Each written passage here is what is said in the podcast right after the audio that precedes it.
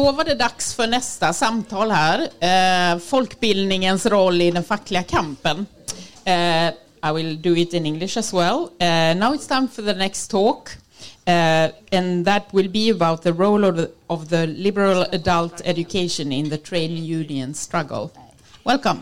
Välkomna. Tack så mycket. Eh, det här samtalet kommer vara på svenska Ehm, och eh, livesänds och kommer också eh, vara en del av ABFs nya poddrörelse. Ehm, men ja, hej och välkomna till detta panelsamtal. Eh, jag heter Emma och kommer från ABF och vi är ett studieförbund som arbetar med folkbildning och folkbildning är precis som det låter, bildning för folket av folket själva. Eh, och Arbetarfilmfestivalen är ett så fint exempel på just detta. Där kultur och samtal blir en brygga mellan människor. Ehm, där vi lär oss av varandra och skapar en känsla av att det går att förändra tillsammans. ABF är ett studieförbund som kommer ur arbetarrörelsen och som grundades just med det syftet att arbetare skulle få bättre möjligheter till makt och inflytande i samhället. Och för att uppnå det så spelade kunskap och bildning en helt avgörande roll. Eh, och det fungerade också som motor för att arbetare skulle kunna organisera sig. Och därför känns det så rätt och viktigt att ha det här samtalet idag om folkbildningens roll i den fackliga kampen tillsammans med några av de organisationer som var med och grundade oss en gång i tiden. Och med de orden så lämnar jag nu över till Hanna Jockel Ehm, som ska leda det här samtalet och som ska få presentera sig själv och panelisterna. Tack. Så, hej. Hej allihopa. Hanna heter jag och är ordförande för SSU Skåne, vilket är Socialdemokraternas ungdomsförbund och även faktiskt LOs ungdomsförbund. Jag tänker det hörs lite dåligt här så jag kanske flyttar till den här. Så, gör vi, ja, så istället så hör ni mig och blir inte så obekväma också. Um, ja, men jag kommer ju som sagt leda det här samtalet och vi har med oss en eh, fantastisk panel från diverse organisationer. Um, jag tänker vi kan ju köra längst ut till eh, vänster och då har vi Jonas Sjöberg och du är ju då ordförande för Byggnad i Skåne. Och jag tänkte du kan säga hej då. Hej hej. Tänk så ni alla får se dem och höra dem också. Därefter så har vi Tina Kristensen som är ordförande för Kommunal i Skåne. Hej. Och sen så har vi Åsa Sandström som är chef och ombudsman för ABF i Malmö. Hej. Och sen sist men inte minst så har vi Eva Glimhed som är vice ordförande för LO i Skåne. Hej kamrater. Det är exakt så vi brukar introducera på alla arbetarrörens eh, träffar också. Eh, jag tänker eh, att Emma gav ju en väldigt bra introduktion till varför vi har det här samtalet under en så här fantastiskt tillfälle. Um, Åsa, du har ju varit då chef och uh, ombudsman för ABF i Malmö sedan 2016 och när du hör det som Emma berättar just kring historiskt sett hur viktigt det här har varit, vad blir dina inledande reflektioner? Ja, jag tänker att idag är det 6 november. Idag är det 141 år sedan August Palm frågade sig vad vilja socialdemokratin? Och det kommer att bli symbolen för, för, eller en symbol för starten för arbetarrörelsen, den, den tidiga arbetarrörelsen. Och det är ganska, jag tycker att arbetarrörelsen är ganska duktig på att blicka bakåt och lyfta fram tidiga röster. Eh, man kan berätta hur det var, men, men man kan också säga att det som har varit väldigt viktigt i den tidiga arbetarrörelsen det är ju organiseringen av de många. Att, ge, att, att inte bara ge en röst åt de många utan att också väcka rösten i oss alla. Och, och den eh, bågen in i nutid skulle jag vilja se mer av. Att vi inte bara hedrar August Palm och liksom flaggar en palmsöndag som denna. Utan att vi faktiskt också eh, återupptar och hedrar de metoder som har varit framgångsrika. Mm. Det tänker jag på idag, 6 november. Tack. Yes. Men, och jag delar verkligen det. Jag tror oftast i de olika sammanhang när vi pratar om folkbildning så pratar man ju så som du nämner oftast om det som hänt tidigare. Och, ja, men bara här när vi kör en liten fördiskussion så nämnde jag ju något som du direkt snappade upp och där jag nämnde men nu känns det ju som att arbetare gör inte någonting efter fritiden. Tidigare fanns det ju liksom självklart efter jobbet så går man ju till ABF eller till vilket studieförbund som helst och kanske lär sig någonting nytt och fortsätter folkbildning. Ja men då stoppar du mig direkt och säger nej men det fortsätter vi faktiskt med idag. Men som sagt att diskussionen liksom inte finns där längre. Jag tror att det vi står i lite grann det är att vi ser både den traditionella eh, breda arbetarrörelsen men också de nya rörelserna. Och i, ibland så ser vi inte riktigt hur de överlappar varandra. När vi pratar om att man inte organiserar sig efter arbetet, då kan man ju också fråga sig vad har man för förutsättningar på jobbet? Ganska mycket i, vår sätt, i vårt sätt att se på arbete och fritid bygger ju på att man har rimlig, eh, en rimlig arbetsdag, att man inte är timanställd. Att du inte har en 20-procentig tillsvidareanställning och sen hoppar in på timmar för att få livet att gå ihop. Men samtidigt så kan vi ju se att, att eh, i de nya sociala rörelser som växer fram, inte minst i Malmö, så ser vi ett superstarkt engagemang. Men det engagemanget syns inte alltid i de traditionella folkrörelserna. Så där tror jag att vi har, liksom, vi har två kraftiga, eh, kraftiga kamper egentligen som förs parallellt och som skulle vinna på att, eh, på att växa ihop till en. Ja, och jag tänker nu när vi pratar om det här arbetet så har vi ju då liksom en av medgrundarna till ABF och då funderar jag på varför ett studieförbund just för arbetare? Och mycket av arbetarrörelsens historia finns ju här i Malmö.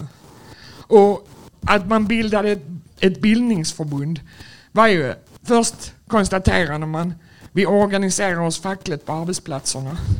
Sen konstaterade man, för att vi ska kunna förändra på riktigt så behöver man den politiska makten. Och då bildade man Sveriges socialdemokratiska arbetarparti.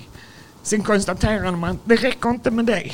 Vi behöver faktiskt eh, kunna samlas för att få mer kunskap.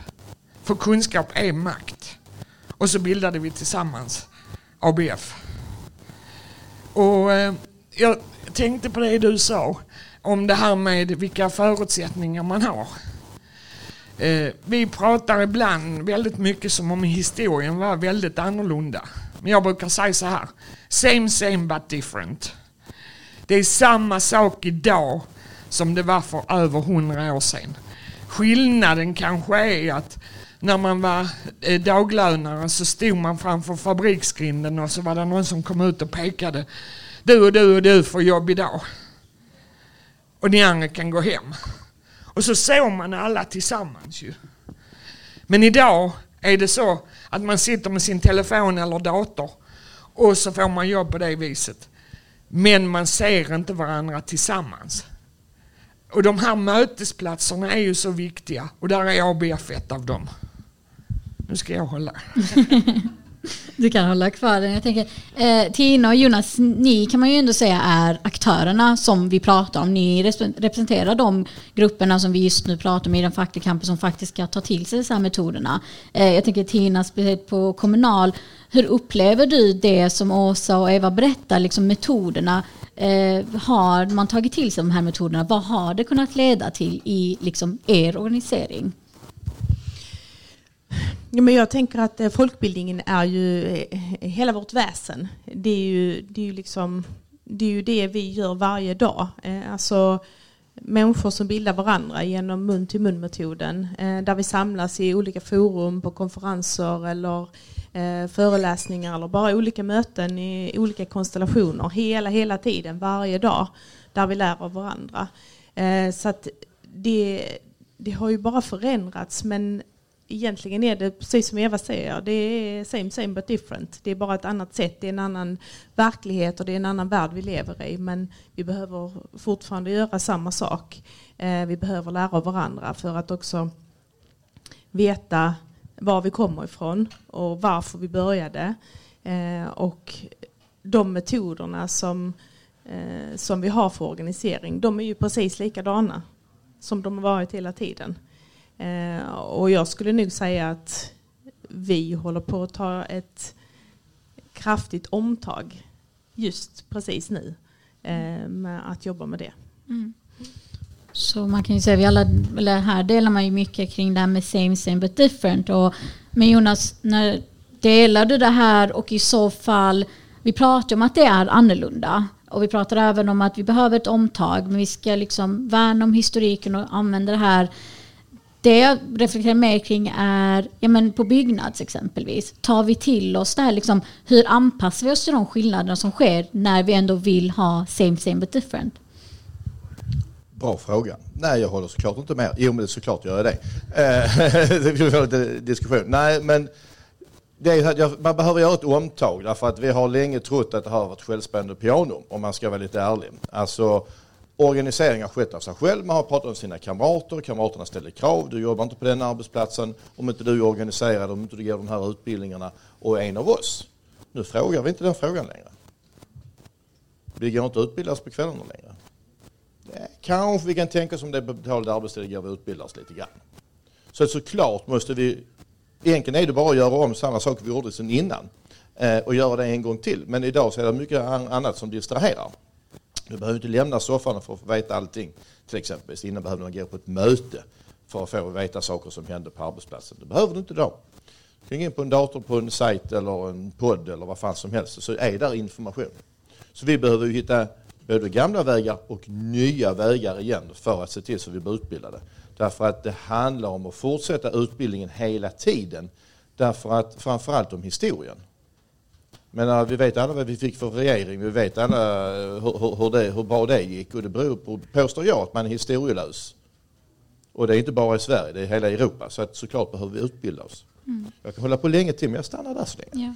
Jag tänker då tillbaka till Åsa då för ABF när du hör det som Jonas säger liksom att ja, men vi behöver ju fortsätta med detta men vi behöver nya, nya metoder. Vad är det du tänker på som kan vara en ny metod till ett, exempelvis för att kunna ja, men fånga upp det så här som kanske just nu hellre sitter hemma i soffan? Tre metoder för att tippa effekten av New Public Management kommer ni att få här. Nej. Nej, det kan jag inte göra tyvärr. Men det här är ju, ja, eh, det är klart att arbetarrörelsen har förlorat mycket under de senaste decennierna. Det ser vi ju runt om i Europa, vi ser det i hela västvärlden.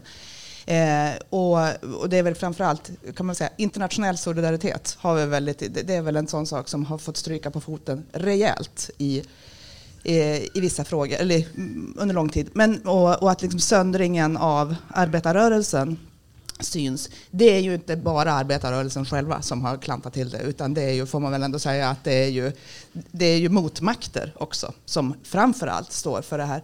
Men jag tror att vi kanske har varit dåliga på att syna vilka, vilka är, vad är motståndet och vilken metod behöver man för att möta upp mot det. Och jag tror en sak som vi, som vi verkligen skulle behöva hitta tillbaka till, och det tror jag inte att man gör på ett halvår, och jag tror att man behöver göra det brett, brett, brett, det är individens eget engagemang.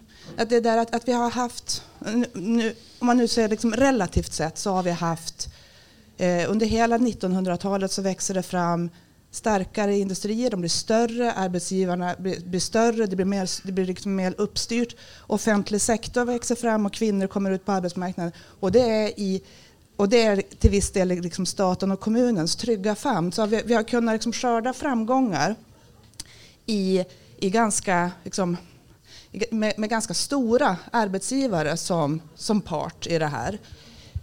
Men nu med, i, ett, i ett gigsamhälle och i en globalisering och det här, var, var, var finns arbetsgivare? Vi, vi har otryggare på sätt och vis otryggare arbetsvillkor. Vi har färre eh, arbetsplatser med kollektivavtal när vi ser på de, på de mindre arbetsplatserna och så vidare. Då behöver vi komma tillbaka till en fack, ett, ett fackligt arbete och ett folkbildningsarbete som börjar med mig. Mm. Och då, eh, men Eva, när vi kollar ur ett LO-perspektiv liksom, som man kan säga liksom, lite över handen och när man tänker på det här med folkbildningen från LOs perspektiv, är det något man har lyft upp och hur arbetar man med det? Jo, det är klart att eh, vi jobbar med det. Jag tänkte på en sak nu när, när jag står här och lyssnar. Och det, eh, jag, jag brukar säga så här. Vi har aldrig varit så väl utbildade, men så dåligt bildade. Det handlar om, precis som Jonas är inne på, att man kan bara ta fram en telefon, skriva en fråga, få ett svar eh, på Google. Nej, man problemar. Men bekymret är att man ser inte det som är före, under, efter, på sidan eller någonting sånt. Man får inte den här känslan av sammanhang. Utan det är väldigt snuttifierat. Det är väldigt så att jag får precis den informationen. Och det ser vi idag eh, på arbetsplatserna. Mitt, där jag kommer från, mitt eh, förbund där är ju Kommunal och jag är undersköterska. Och där kan man säga att kamraterna ute har inte samma pel på kollektivavtalet som man hade när jag började jobba till exempel. Och jag tror att man måste, det måste bli lustfyllt att hitta kunskap som hänger ihop.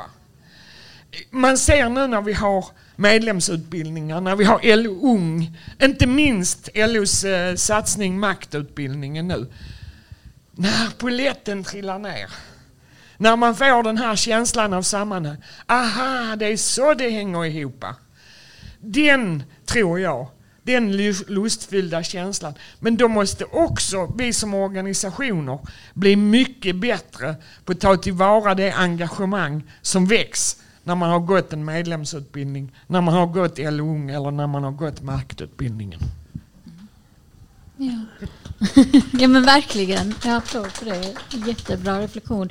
Tina, jag tänker, eh, vi pratar ju mycket om vad vi, vad vi ska göra, vad vi bör göra och samtidigt när vi kollar ut och när vi kollar just när vi ligger hemma i soffan och kollar nyheterna så ser vi liksom ett politiskt styre som har kommit in i Sverige som ja, men, eh, pratar mycket om fortsatta granskningar av folkbildningen och eh, studieförbunden och nästan till en liten rädsla skulle jag vilja påstå. För mig som ung person så blir det en liten rädsla i kroppen. Hur, hur värnar vi om folkbildning och arbetarrörelsen samtidigt som vi befinner oss i ett eventuellt politiskt styre som kommer snarast hjälpa den att främja det? Ja, men jag tänker att eh, det enda vi kan göra och det som jag kan, bara kan tala för Kommunal i Skåne ju, eh, som vi gör det är ju att satsa så, satsa så mycket som möjligt på utbildning. Eh, och eh, ja, alla former av folkbildningsinsatser och studieinsatser som vi kan eh, för medlemmar och förtroendevalda inom vårt förbund. Men vi är otroligt noga också med att, eh, det ska, att göra det mesta möjliga tvärfackligt såklart inom LO eh, och tillsammans med ABF till exempel eller eh, folkhögskolor som vi också samarbetar med för att det finns ju Alltså den vinsten som vi, vi har genom att, att mötas tvärfackligt den är ju liksom ovärderlig. Därför att ja men Byggnads har liksom ett sätt. Eh, ganska mansdominerat ju. Eh, och, eh, ja, men vi kommunala har ju väldigt många yrken. Vi har eh, ungefär 200 yrken ju, som vi organiserar. Eh, men vi kanske pratar på ett sätt och sen eh, transport och målarna och handels... Alltså alla 14 förbunden har liksom lite sin grej. Men när vi möts eh, tvärfackligt så eh, lär vi ju ännu mer av varandra. Eh, och, och det är ju liksom, det finns ju inget bättre än det ju. Det är ju det är så vi bygger samhället, det är så vi skapar förståelse för olika yrkesgrupper eller olika behov och olika förutsättningar som vi har. Mm. Och så var det svar på frågan? Ja, det var en bra reflektion på frågan. eh, och så vad tänker du kring det här liksom, när vi pratar om nedskärningar men samtidigt vill, fortfarande vill lyfta upp, ja, men kombinera folkbildning och arbetarrörelsen. Hur, hur tar vi oss vidare? Hur tror du det kan bli? Till att börja med så tänker jag att en rörelse alltid är större än de eventuella statsbidrag eller andra bidrag som man har. Det är inte pengarna som gjorde att arbetarrörelsen gick framåt. Det är organiseringen. Det människor vill göra, när människor går samman och bestämmer sig för att göra någonting, det är så oerhört mycket mer än tusenlappar. Även om naturligtvis en välfinansierad organisation är en, en mycket stabilare möjliggörare. Men, men så jag, tycker inte att man ska stirra sig blind på pengarna utan jag tycker man ska prata om rörelsen och engagemanget. Så här, varifrån, alltså var, var, varifrån kommer vreden? Varifrån, vad, vad är det jag vill elda under? Vad är det jag vill förbättra? Jag tycker att det här arrangemanget är ett suveränt exempel på när på en modern, jag ska säga, på en modern arbetarrörelse. Här möts både eh, liksom personer som har jobbat i kollektivavtals eh, arbetsplatser som haft kollektivavtal sedan 1930 kanske. Eh, och samtidigt som man möts med kulturarbetare som aldrig, som inte ens, som aldrig någonsin har haft kanske ens en en anställning utan att man, är en, man försörjer sig själv.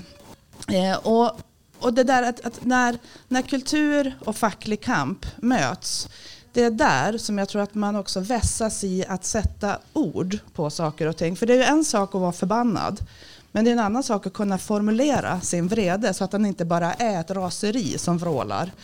Och, och, att använda sig av konstnärliga uttryck, att förstå ordet, förstå bilden och förstå den, det, det språket.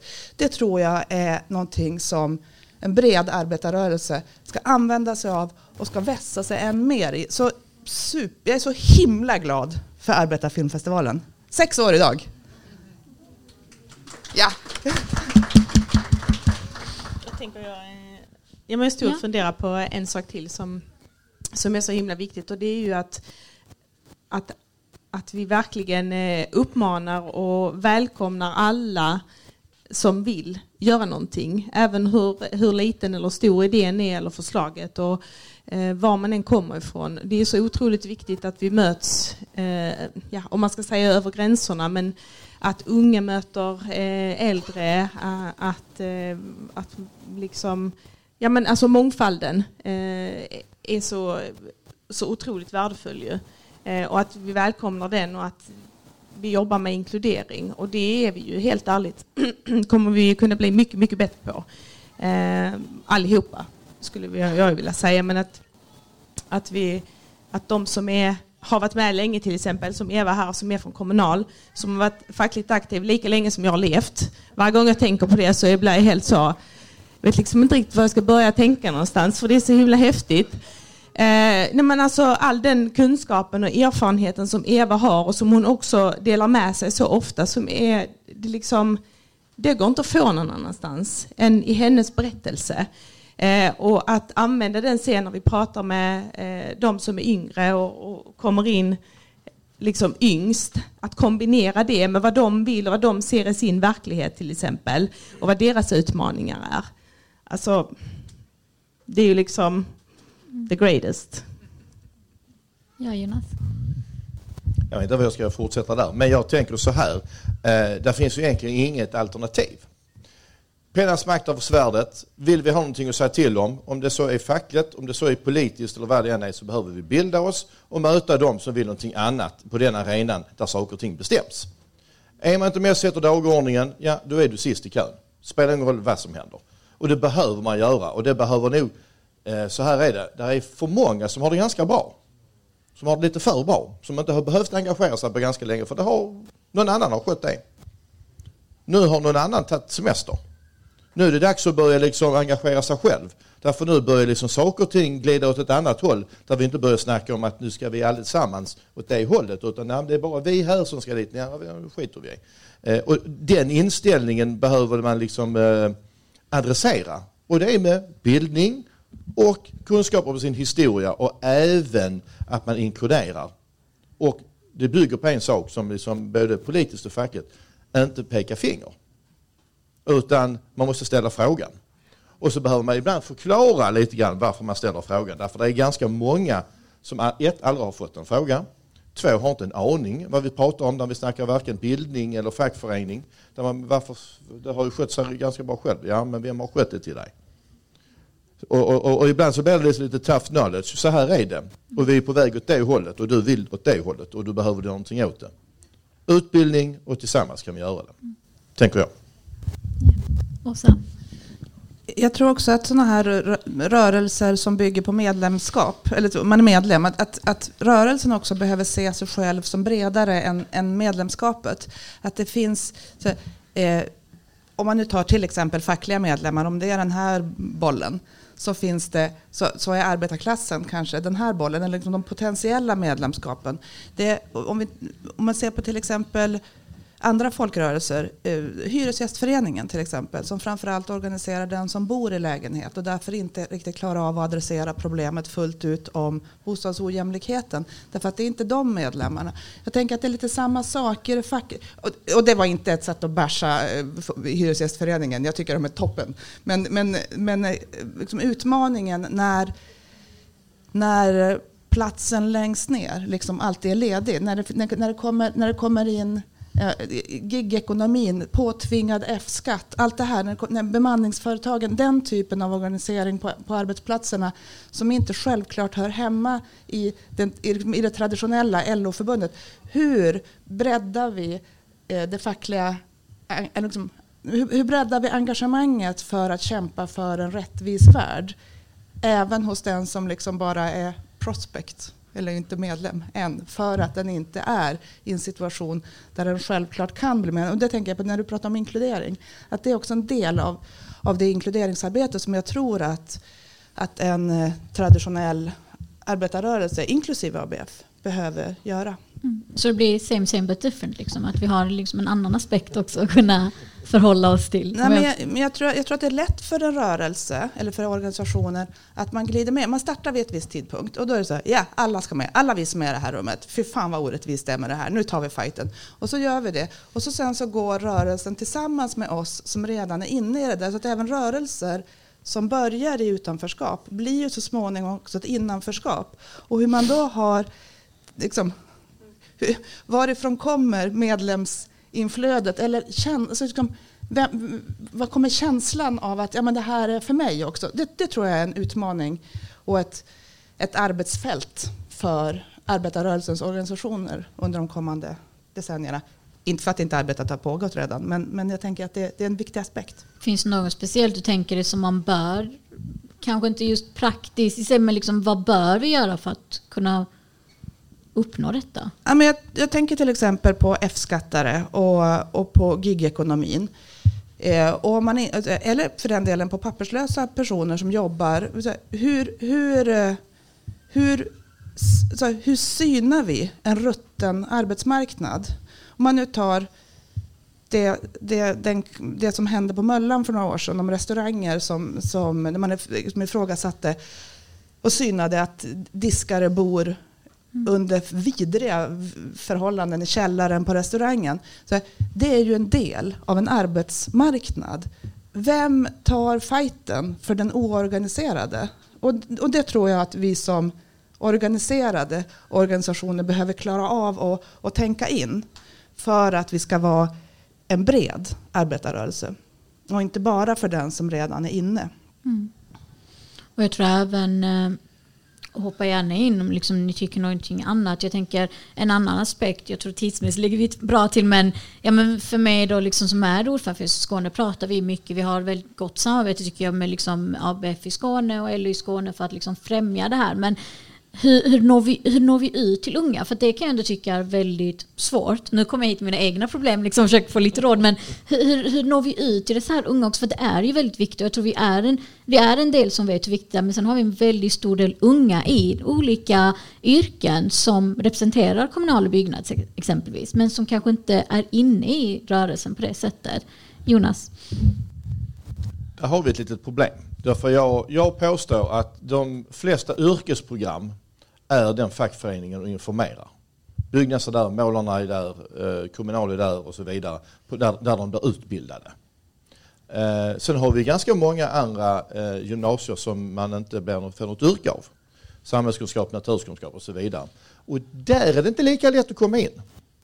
Därför det beror mycket på vad rektorn tycker att vi ska komma in så hade vi hade varit lättare att komma in och det handlar ju lite grann om vem som sitter vid makten och vem som berättar för dem hur saker och ting ska göras. För näringslivet kommer ju gärna in med lite gratis böcker och lite annat smått och gott. Men vi kan inte komma in. Och du ska ta ett exempel. Nu är det ett par år sedan. Min dotter gick Handels i Trelleborg. De får lära sig allt om F-skatt, allt om att driva eget företag, ja allt där är. De fick inte lära sig en enda timme om det hur att vara anställd. Men 99,99% som gick på den linjen handlar på olika butikskedjor, eh, kaffeshops och vad det är, som anställd. Ofta timanställd. Ehm, du erbjöd jag min hjälp, helt gratis. Jag kan komma och hålla utbildning så alla vet vad det handlar om, för alla kommer ju att vara anställda. Tror ni jag fick komma dit? Nej, det fick jag inte. Det var inte, det var inte utrymme för samhällskunskapen med den typen av onödig kunskap, tyckte den läraren. Och det tyckte inte rektorn heller. Så att där är någon annanstans också vi behöver liksom ändra det här, liksom att det är självklart att arbetarrörelsen, LO och så vidare får komma in och berätta så här funkar arbetsmarknaden när den kommer ut. Och inte bara motparten står och berättar hur jävla bra det är. Som vi vet sen att det inte riktigt uppfyller de kraven. Eh, och det gör vi ju politiskt framförallt. Och, där, och där har ju arbetsgivare och när, Svenskt Näringsliv och alla de tankesmedjorna varit jävligt duktiga på att sälja in arbetsmaterial till skolan och bjuda in sig själv. Så där är något lite att jobba på. Det kanske vi inte löser i eftermiddag men eh, de närmsta fyra åren, och nästa fyra år kanske. Jag tänkte på en sak. Alltså lärarna är också organiserade i ett fack. De tillhör TCO eller SACO. Det är kanske så att vi på något vis ska knyta kontakter med våra eh, och deras organisationer via oss för att diskutera vad kan vi göra för att folk ska vara bättre rustade när man kommer från skolan. Men jag tror ändå att det mesta jobbet måste göras på arbetsplatserna. När unga kommer ut. Eh, jag sa ju att jag var undersköterska. Vi har många kamrater som jobbar inom vården idag som inte har eh, adekvat utbildning. Eh, därför de har valt en annan väg. Men kom in i yrket och trivs och är kvar. Och vi kan säga att väldigt många av de som skrivs in i de fackliga organisationerna idag som blir medlemmar, de är unga. Och då måste vi ju ha sett att hitta människor som kan prata med dem. Och vi försöker det på olika sätt. Unga möter unga. Ungdomsforum, vi har ungdomskommittéer. Det låter kanske dödtradigt men det är ett sätt att organisera eh, verksamheten så att vi får någonting gjort. Att vi får verkstad ute på arbetsplatserna. Jag tror Tina kan hoppa in där. Ja men det är ju precis det som jag stod och tänkte på också. Just att, att eh, om, vi, om vi tänker just på de unga så är det så otroligt viktigt att, att det är unga som får möta unga där ute och det är, de får prata sitt språk och de får göra sina grejer och, och testa det som de tror eh, i sin tid här nu. För att ja men alla har vi varit unga men det var ju ändå en annan värld som vi var unga i. Eh, eller hur? Eh, så att det, det jobbar vi hårt på. Det är ju, ja men det är ju ett, ja, ett och ett halvt år sedan ungefär som vi började märka en tydlig trend i, i Kommunal. Att det var mest unga. Och den har liksom hållit i sig, bara stigit. Flest unga som eh, träder in i förbundet och det måste vi ju ta vara på ju. Men jag tycker också att vi gör eh, ett gott arbete för att ge unga alla förutsättningar för att de ska få göra det som de tror på. Eh, och jag har goda förhoppningar. Jag tänker också på eh, just det här som eh, Åsa pratar om att, ja, men att bilda utanför rörelsen. Eh, olika exempel på det är ju till exempel att alltid prata om hur viktigt det är att gå på restauranger som har kollektivavtal. Om man använder sig av hushållsnära tjänster, att de har kollektivavtal.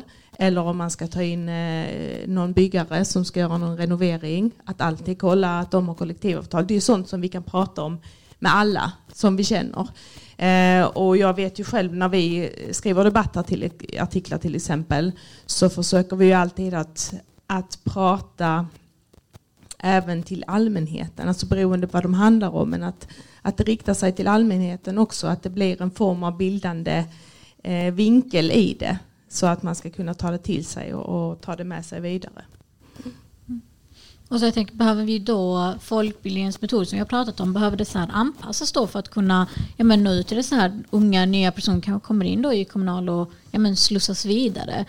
Vad finns det för metoder där som behöver de korrigeras eller kan vi faktiskt köra på samma? Ja du, eh, det är väl Svår både, fråga. Ja, nej, men det är väl både och naturligtvis. Eh, Eh, det, om, ta det som kanske är det allra enklaste att se nu, så här, oh vad mycket sociala medier det finns, hur ska vi nå ut på det? Nej men eh, det, det, det är väl en, digitaliseringen är väl det allra enklaste att, att, att prata om när man pratar om andra metoder. Och det är ju, eh, vilken, vilken typ av lärande finns idag? Studiecirkeln skulle jag säga är fortfarande en av de mest oslagbara metoderna för att på något vis begripa någonting i grupp, bryta sina liksom tankar med varandra utan att försöka göra ner varandra och komma ut på andra sidan som en lite klokare person. Alltså, den metoden, det är, det är skitsamma om ABF finns eller inte, den metoden är ju en metod för demokrati runt om i hela världen. Så, men, men hur den liksom, så här, hur, hur vi sprider den metoden eller hur vi liksom etablerar den metoden i till exempel demokratiska mötestekniker på arbetsplatsen, hur fackförbunden använder sig av den så här, i, i, i olika sammanhang. Alltså hur, var väver vi in folkbildning? Och tänk att det är ett ansvar som du och jag och alla andra har. Alltså vart, vart tar vi in folkbildningen? Det här med, med, när vi pratar om att, det är, att, med, att människor kommer, man kommer inte från yrkesutbildning utan man, man kommer in i LO-yrket via en annan väg. Det finns ju en alldeles eminent bok om det. Jag ska egentligen inte vara här. Eh, alltså det här med att vara i ett LO-yrke utan att lägga sin identifikation där. Och där tror jag något, ändå liksom en, i, i metoder för, för folkbildning. Att säga, vad är arbetarklass idag? Vad är klasstillhörighet? Varenda jävel vill ju höra till medelklassen och ska sätta sina pensioner i fonder. Och vi, alltså vi, är ju, vi är ju i ett till viss del ett råkapitalistiskt system som gör att vi, att vi, eh, vi, vi osynliggör ju vår egen klasstillhörighet, tänker jag. Och där tror jag, nu drar jag iväg, märker jag här också, att jag inte svarar på frågan. Nej. Men, men, eh, men, men vad gäller metoderna så skulle jag vilja säga att om metoden är att vi ska bilda oss tillsammans, eller syftet är eh, att vi ska bilda oss tillsammans, vi ska begripa någonting så att vi kan ta makten över den situation vi är i och förändra den till någonting bättre då tror jag att det spelar inte så stor roll om, man, om det sker digitalt eller fysiskt i ett rum, utan det är att vi har samlats. Det är det som vi behöver göra. Mm. Och just innan jag släpper in Jonas tänker jag liksom bara för att fånga upp det här som, ja, men som du kanske tyckte sa från mig som jag ändå tycker att ja, men det, den reflektion vi behöver göra är att kolla runt omkring vilka hur ser samhället ut idag? Vad är, vilka intressen finns det? Tyvärr idag finns det mycket mer egenintresse snarare än liksom organiseringen utifrån om man kollar liksom utvecklingen. Så jag tycker ändå det är en väldigt bra reflektion som indirekt sett besvarar frågan på hur når vi ut till dem? Jo men vi kör den här sam samhällsanalysen och ser liksom hur når vi ut till dessa personer. Vi kan ju sälja in det med att säga att eh, föreningslivet i Sverige har alltid byggt på att man organiserar sig utifrån sitt eget behov. Vi har en ganska låg eh, organisationsgrad av välgörenhet om man nu till exempel jämför med andra eh, västeuropeiska eller anglosaxiska länder, att vi organiserar oss för vår egen skull. Det är, så här, vi ser någonting som är skit, vi tar tag i det och försöker göra det bättre. Det är inte eh, till exempel religiösa organisationer som ska ta hand om de fattiga, utan det är den som lever i skiten som organiserar sig för att få bättre livsvillkor. Och den styrkan och egenmakten, den är ju såklart superhotfull mot den som, som skulle vilja ha ett mer hierarkiskt styre. Men det är ju också, tänker jag, i- om man nu ska, verkligen ska sälja in ett fackligt engagemang och en facklig folkbildning i en tid av individualism så kan man ju säga att det svenska föreningslivet, där är det var och en utifrån sin egen, sina, egna, mm, sina egna analyser tillsammans med andra. Yes. Jonas?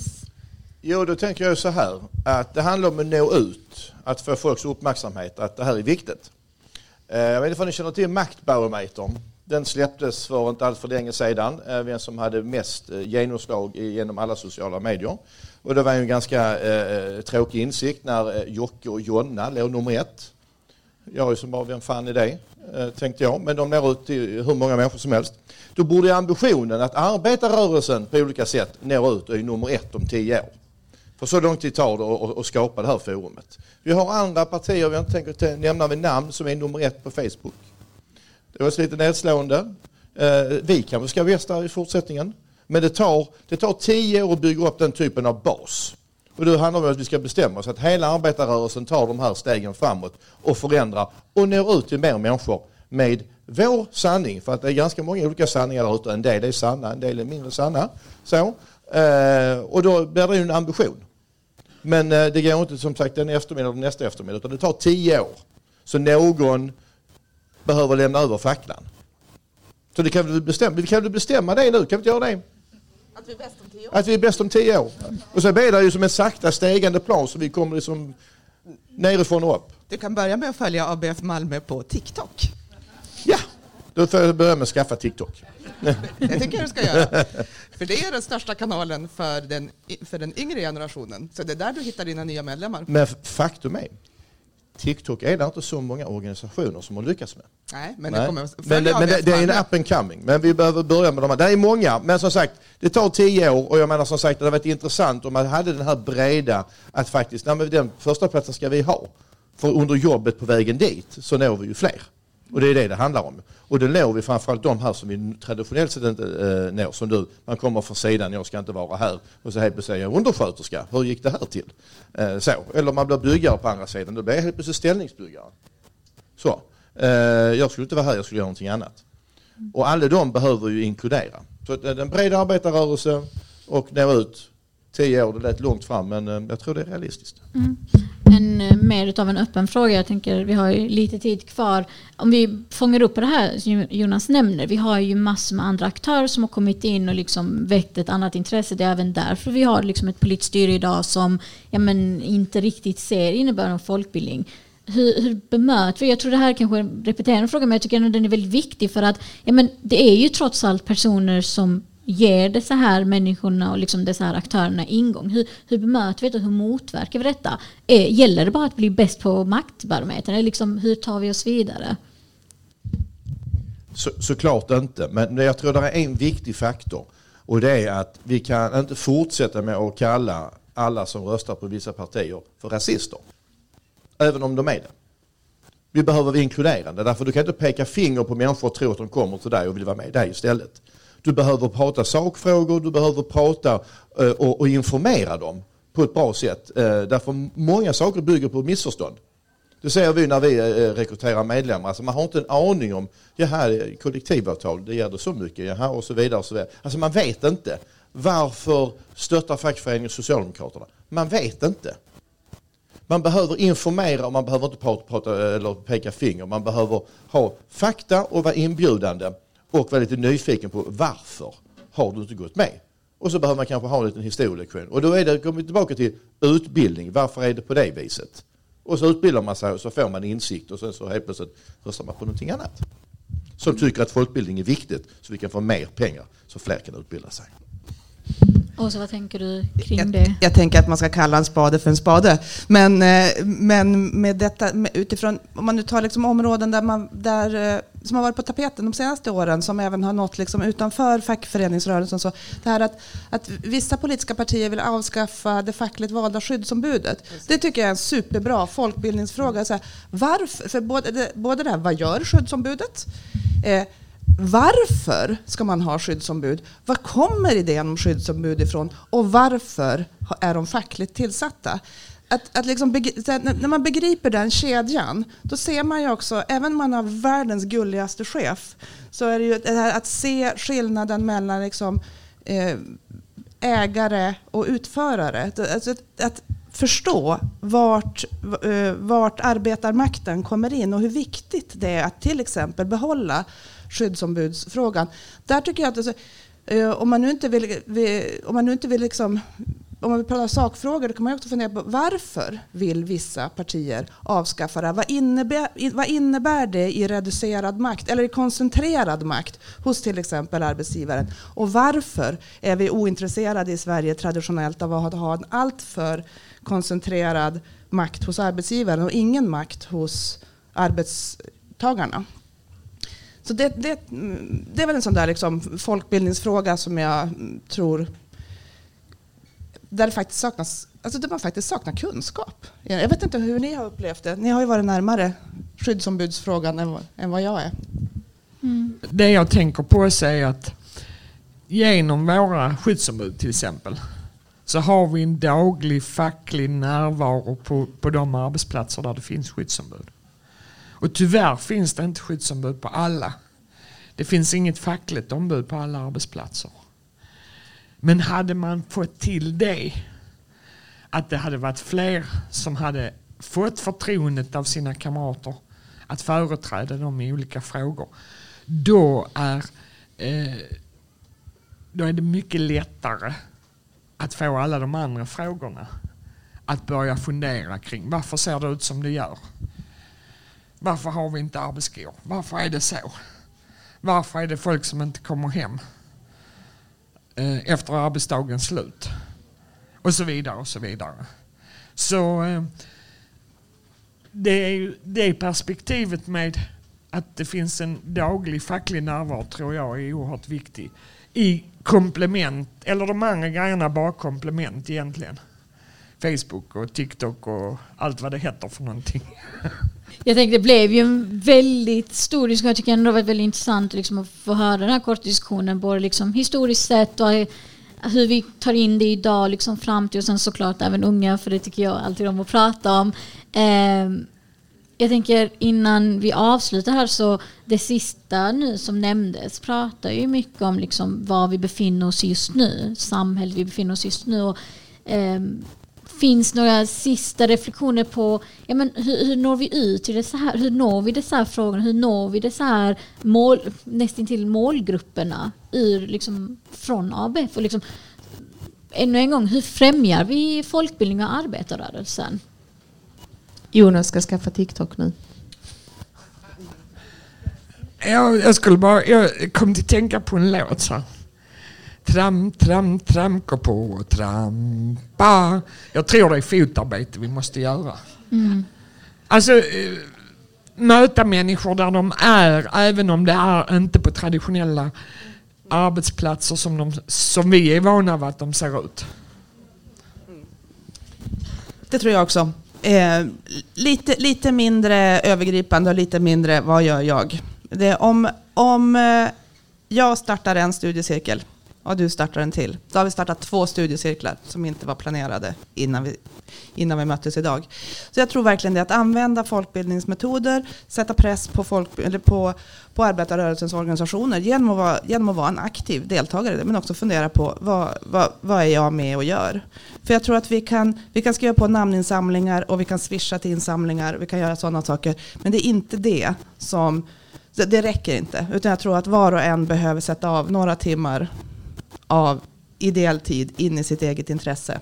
För att för varenda gång som vi pratar om papier-maché eller pratar om, eh, eller pratar om böcker eller pratar om keramik eller pratar om att laga billig mat. Varenda gång vi pratar om sådana saker tillsammans så har vi inte gnällt. Vi har inte sagt att de där borta, det är deras fel att det ser ut så här. Utan varenda gång så har vi stärkt oss själva i någonting som gör att ja, men den här veckan var jag lite smartare, lite klokare och det var lite roligare. Ja, jag tänker att den största utmaningen vi har eh, är att eh, våga lyssna och ta sig tid att lyssna på varandra. Eh, för att det är eh, i, i det som vi verkligen kan förstå andras perspektiv och andras förutsättningar och att sen samtala om det att bygga vidare på det eh, är ju det som gör att vi, vi kan också sen, om vi tänker nu på det, det fackliga arbetet, att vara ute, eh, ha känselspröten ute, att lyssna, att samtala, ställa frågor och sen gå, gå liksom tillbaka och bygga strategier utifrån det. Mm. Jonas? Två ord. Våga fråga. Din arbetskamrat, din kamrat, de på arbetet, vem du än träffar. Våga fråga. Förmodligen har de inte fått frågan om det var ett, vi var medlem eller två, vi vill gå en kurs. Mm. Så våga fråga. Mm. Det tycker jag sammanfattar den här diskussionen jättebra. Eh, Jonas, Tina, Åsa, Eva, tack så hemskt mycket för det här samtalet. Jätteintressant och jag hoppas ni alla också tyckte det var lika intressant. Jag tycker vi ger dem en eh, varm applåd.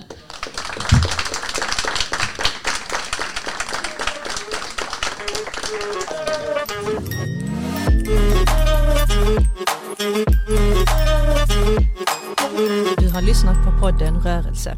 En podcast av ABF Malmö.